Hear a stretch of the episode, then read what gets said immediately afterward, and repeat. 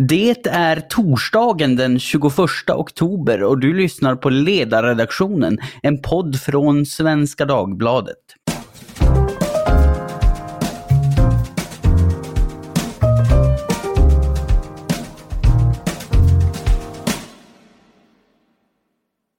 Jag heter Jesper Sandström och idag ska vi prata om klimatångest, eller det är kanske egentligen en missvisande beskrivning. Vi ska prata klimatångestdämpande skulle man väl kunna säga.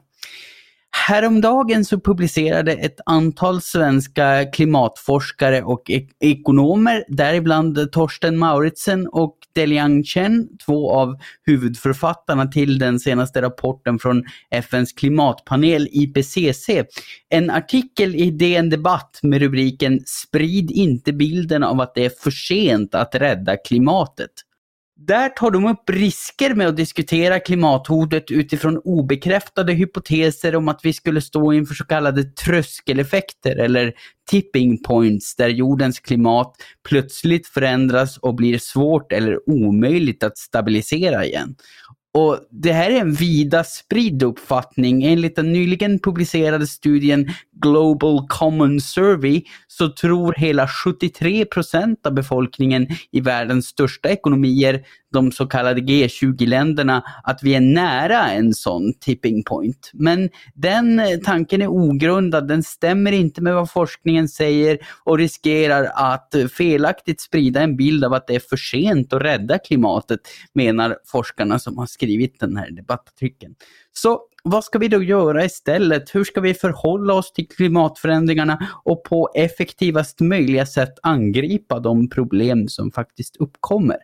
Med mig för att försöka bringa lite klarhet i det så har jag en av artikelförfattarna, John Hassler, professor i nationalekonomi vid Stockholms universitet. Hej John! Hej! Trevligt att du kunde medverka idag. Vi går väl i sedvanlig ordning rätt på de stora och svåra frågorna. För de lyssnare som till äventyrs föredrar en annan morgontidning, ingen nämnd, ingen glömd, eller av någon annan anledning inte har läst er artikel i Dagens Nyheter, kan du lite kort sammanfatta varför ni har valt att skriva den? Vad är den stora risken med att sprida en felaktig bild av våra förutsättningar att hantera klimatförändringarna? Man ska väl säga att vi är inte några experter på att analysera vilken konsekvens det blir av att folk har uppfatt felaktiga uppfattningar. Det, det, är inte vår expertis. Eh, vi är ju klimatforskare och eh, vi har ändå noterat att det verkar finnas hos folk en uppfattning om att vi står väldigt nära en katastrofal tröskel. Och kliver vi över den då tappar vi kontrollen på klimatet. Eh, och det kan leda till helt katastrofala konsekvenser som, som skulle hota hela mänskligheten. Mm. och vi eh, kan inte riktigt avgöra förstås vad konsekvenserna av den här felaktiga uppfattningen är. Det är inte vår expertis. Men vi kan däremot konstatera att den stämmer inte den här uppfattningen med vad etablerad forskning säger. Och, och vi kan också konstatera att om man skulle ha den här uppfattningen då skulle det rimliga vara både att ha ångest inför framtiden och att kräva extremt kraftfulla åtgärder som kostar vad det kostar vill att stoppa utsläppen. Eh, och det, det, det, är därför som vi är oroliga. Eh, vi har fått en del repliker som har handlat om, om eh, liksom att vi, vi inte förstår det här med ångest och sådär. Och det, det gör vi inte heller. Men vi är väl, kan man väl säga, lite fundamentalister i den meningen att vi tror, utan att kunna bevisa det, att i en demokrati så blir det bättre beslut om folk har riktiga uppfattningar. Och oftast så är det då riktiga uppfattningar, bättre uppfattningar om vad som är rätt får man genom att lyssna på etablerad forskning. Så där, är, där får man väl säga att vi fundamentalister. Vi kan inte på något sätt bevisa att det i varje läge är bäst att folk vet vad de är med och beslutar om. Men vi, vi menar att det nog ändå är det bästa att hålla sig till det. Och då konstaterar vi liksom att vi som håller på med att kommunicera forskningsresultat verkar ha misslyckats, så det behöver vi göra någonting åt. Mm, mm. Ja, och, och, det är väl, man kan kalla det fundamentalism, men man skulle väl också eh, kunna kalla det en ganska okontroversiell hållning att det, det är bra att faktiskt känna till vad som, vad som är sant och riktigt och inte.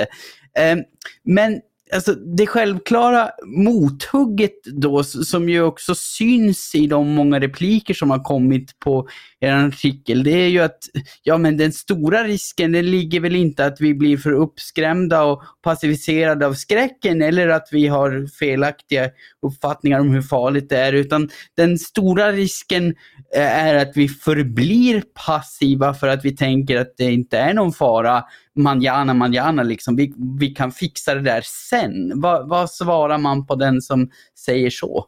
Ja, men vi tror ju att det bästa ändå att man vet vad forskningen säger. Och forskningen säger absolut inte att vi bör vänta och se och att det är manjana som gäller. Det säger forskningen definitivt inte.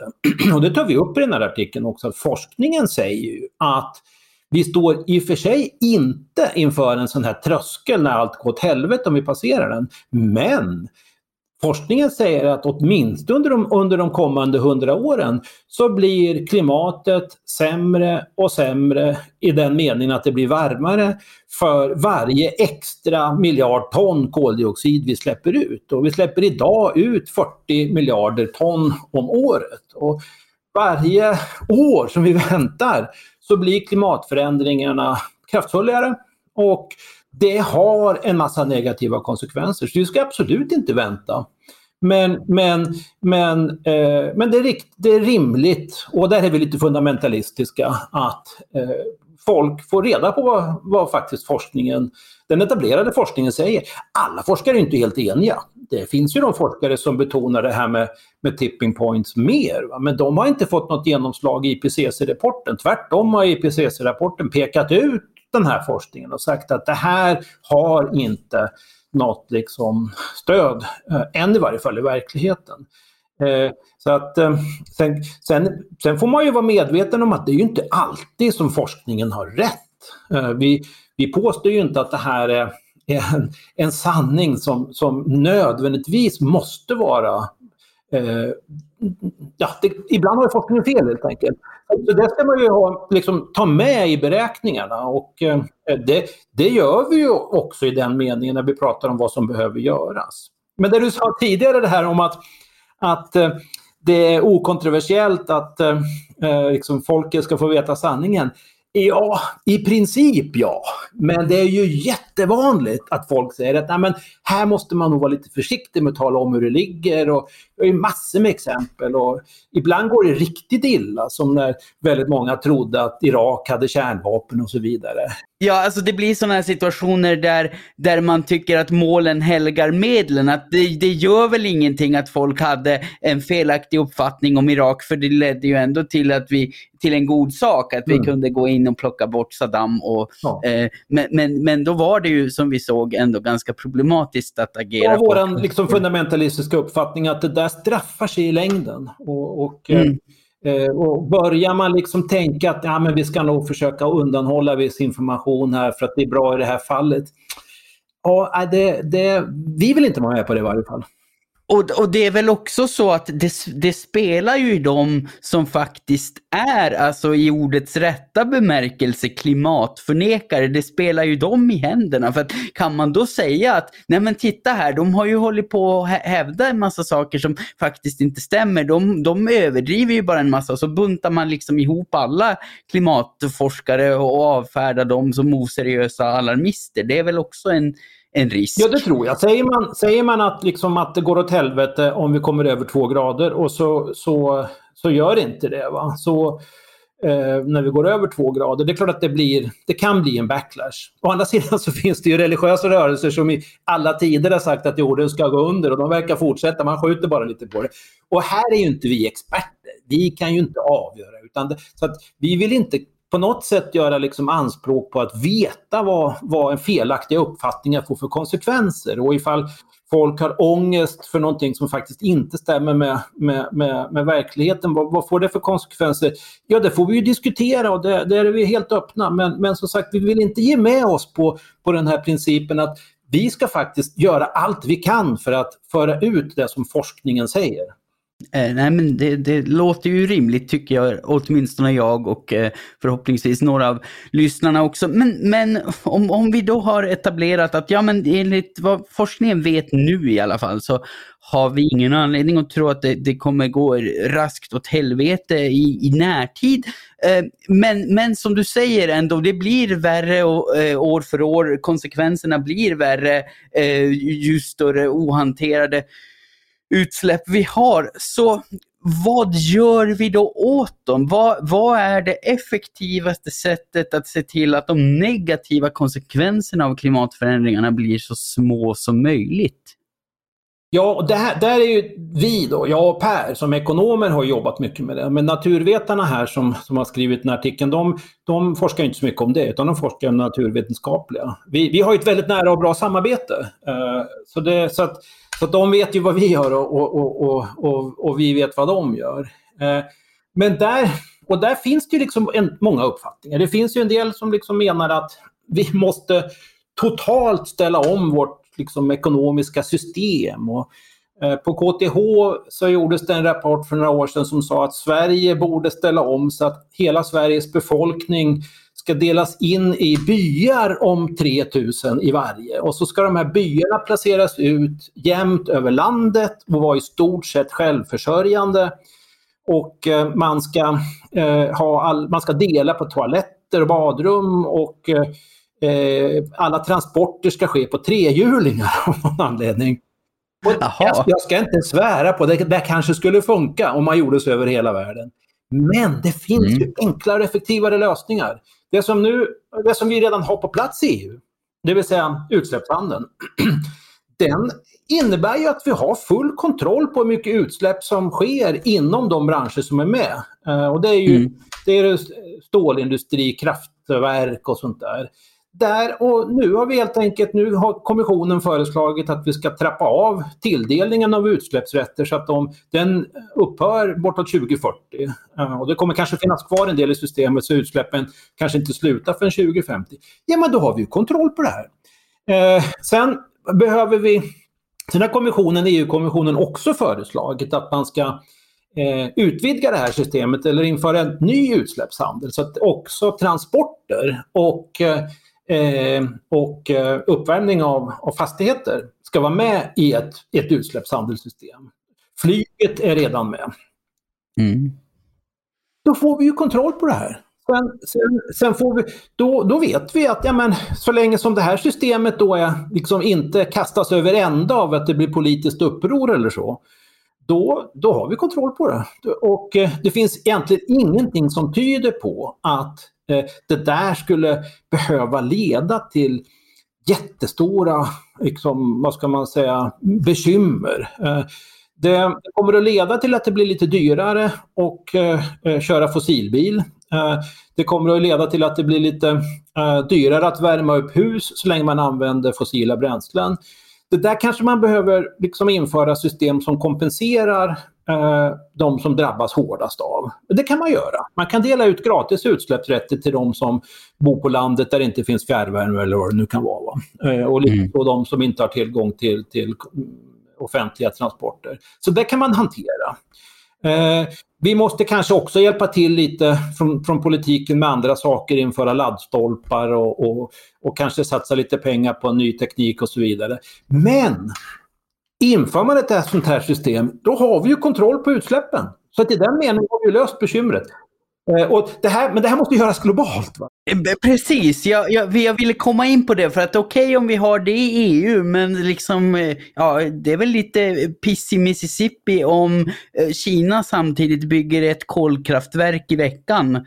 eller hur mycket de nu ja. expanderar. Så hur, hur, hur motiverar man då andra länder att hoppa på det här tåget? För, för de kanske för stunden i alla fall prioriterar snabb ekonomisk tillväxt, även om den är skitig för klimatet, för det var deras, vad som är viktigast för deras befolkning just nu. Så vad, vad gör man där då?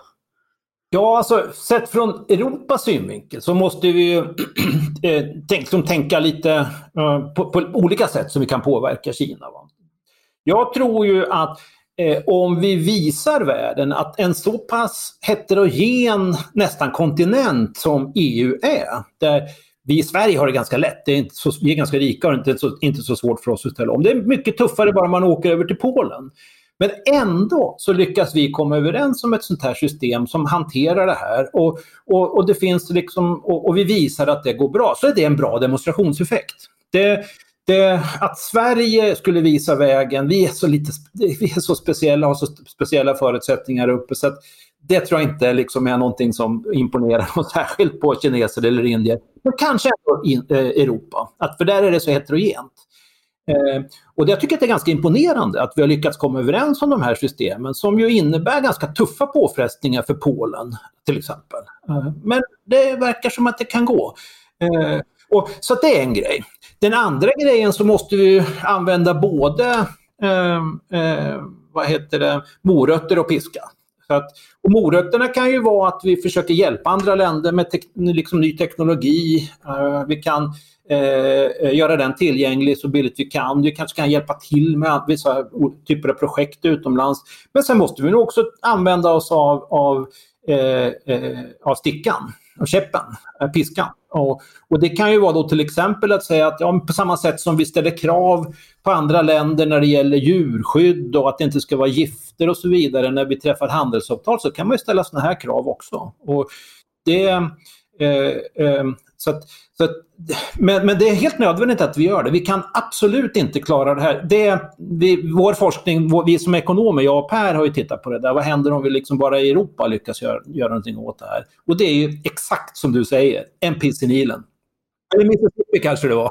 Eh, eh, Mississippi sa jag ja, men, men, men det illustrerar väl samma sak. Ja. Eh, och, och ja, eh, alltså, ni lägger ju i artikeln fokus, precis som du säger här, på att man behöver sätta ett pris på utsläppen och, och då göra det globalt. Men ni säger ju också att eh, däremot kan en dåligt utformad klimatpolitik göra omställningen så kostsam att den försenas eller rent av förhindras. Vad tänker ni på där? På vilket sätt kan en dåligt utformad klimatpolitik faktiskt komma i vägen för omställningen? alltså det mest extrema fall, exemplet är väl med de, med de här byarna som är jämnt utspridda över landet. och man ska försöka pressa igenom det, det kommer inte folk att acceptera.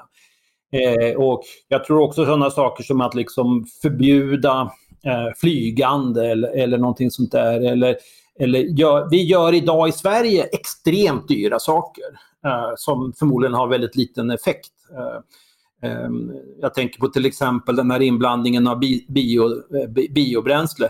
Det biobränsle som produceras i Sverige, det ska vi använda. Men att vi liksom är världens största importör av det och till väldigt stora kostnader för att nå svenska klimatmål. Det är ju, när folk liksom förstår liksom det här, då tror jag att man kommer att protestera. Så att man kan väl säga så här, att forskningen har visat att eh, om man skulle eh, genomföra ungefär en den, den politik som nu ligger på bordet i EU. Där, där det inte grundprincipen i och för sig är en skatt, men att man får betala för utsläppen via, man måste köpa en utsläppsrätt, så man får kontroll på utsläppen. En sån politik, eh, en sån övergång, som då får ta 30 år, den behöver egentligen inte kosta någonting. Det kan till och med vara så att fördelarna i termer av eh, frisk luft och sådär, renare luft, faktiskt är större än de kostnaderna. Sen Eh, sen måste vi göra investeringar och sånt där, men de, de kommer ju i avkastning också. Så kostnaderna behöver inte vara stora.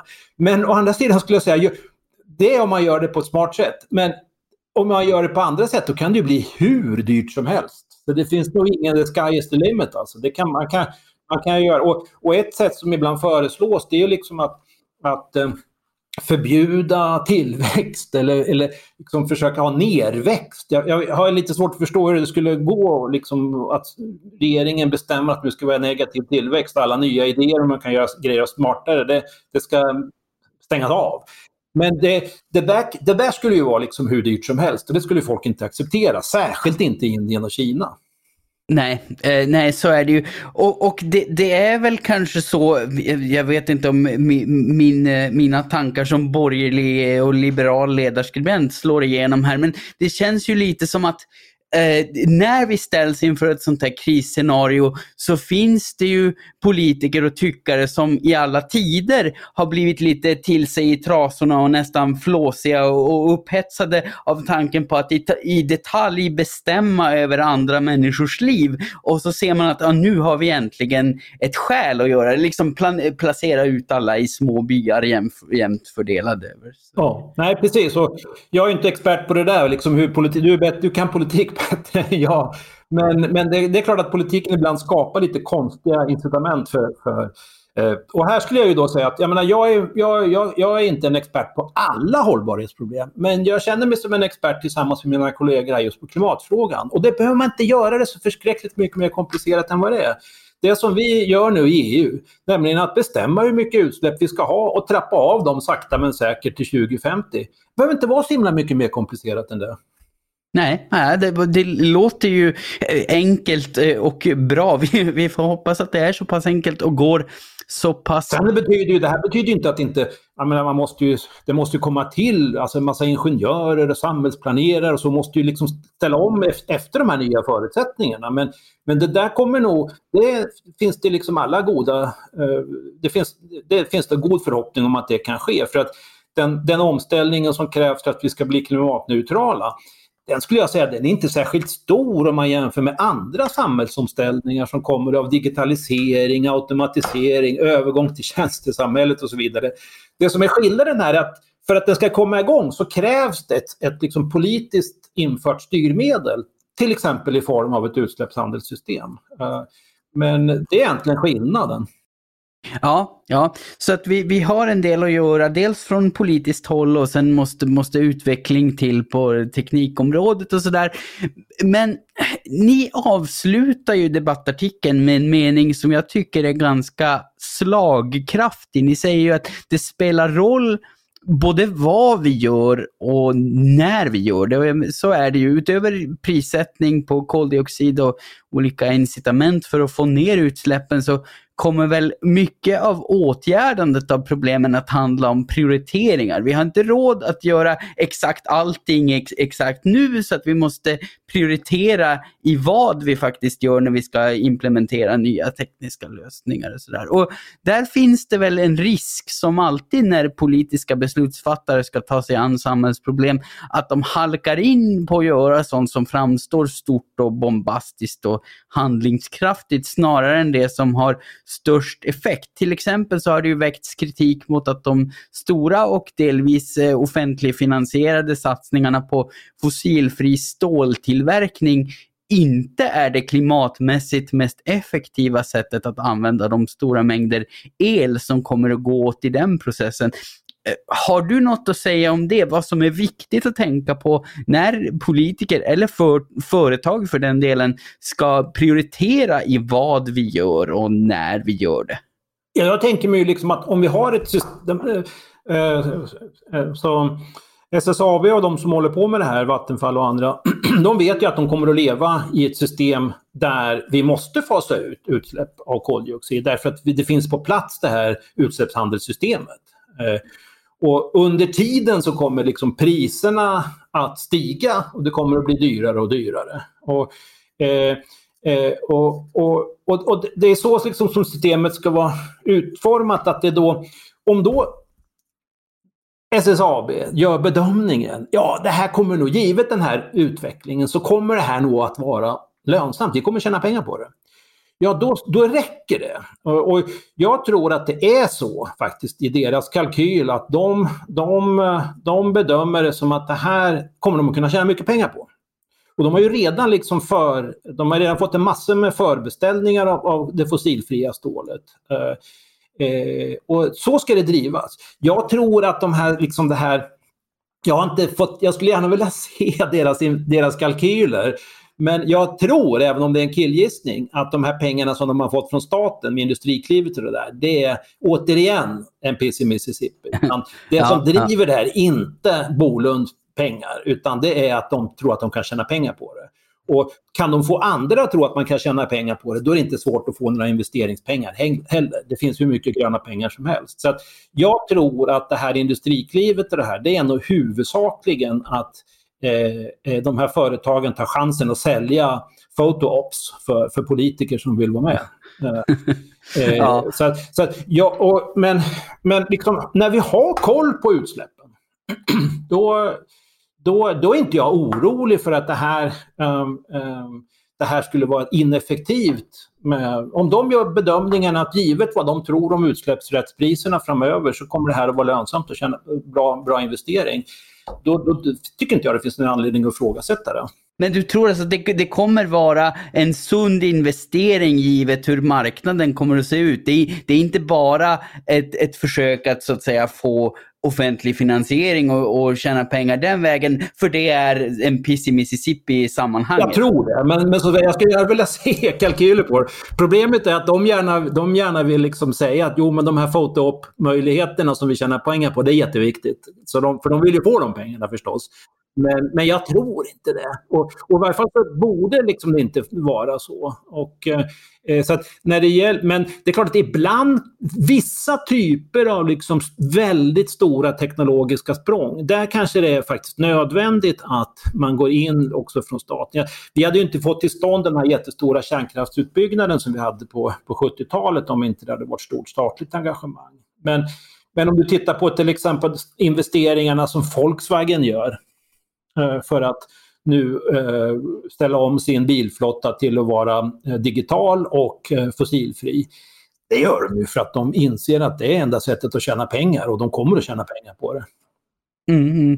Och, och det är ju då, kan man tänka, det, det, hänger ju samman med att ja men när det blir gradvis dyrare att släppa ut, då uppstår ekonomiska incitament att sluta släppa ut och så, och så gör folk och företag det och så Exakt, så behöver man inte tänka så himla mycket utan det, det är liksom som är tanken med, med marknaden att liksom man ska få de här rätta signalerna från marknaden av att göra rätt. Och ibland så måste liksom staten gå in och göra regleringar för att de här signalerna ska bli rätt och det behövs på fossilbränsleområdet. Och det har ju att göra med att man ska ju se eh, eh, det här som att det är liksom en naturresurs som det finns en begränsad mängd av. Vi, vi, eh, om, ett, det, här, det här som naturvetarna säger, att det finns en, liksom en proportionalitet mellan hur mycket, vi, hur mycket uppvärmning vi får och hur mycket utsläpp vi kan ha. Det betyder ju då också att ska vi hålla oss under en viss uppvärmning, då har vi liksom en viss begränsad mängd utsläpp som vi kan göra. Och det där är ju som en naturresurs.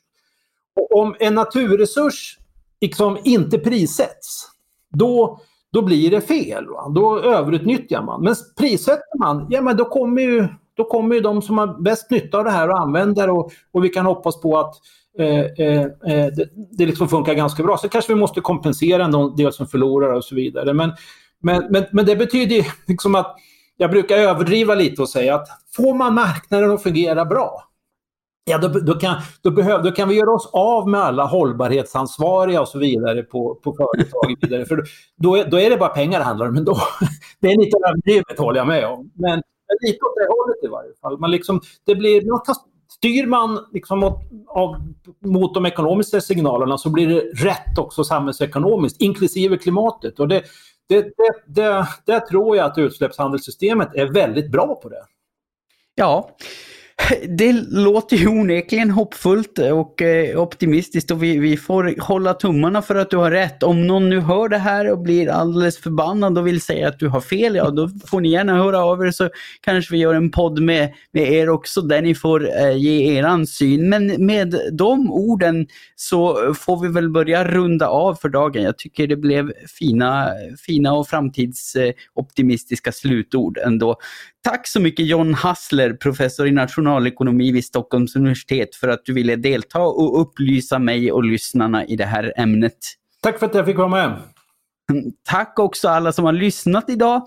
Är det något annat ämne ni vill att vi tar tempen på eller någon fråga där ni känner att ni skulle vilja ha lite mer kunskap och lite mindre ångest? Eh, hör då gärna av er på e-postadressen ledarsidan svd.se. Producent, det är som vanligt jag, Jesper Sandström. Vi hörs kanske igen nästa vecka. Jag längtar redan och det hoppas jag att ni också gör. Återigen tack för att jag fick låna era öron en stund och förhoppningsvis dämpa er ångest dessutom. Ta hand om er i höstrusket. Hej då!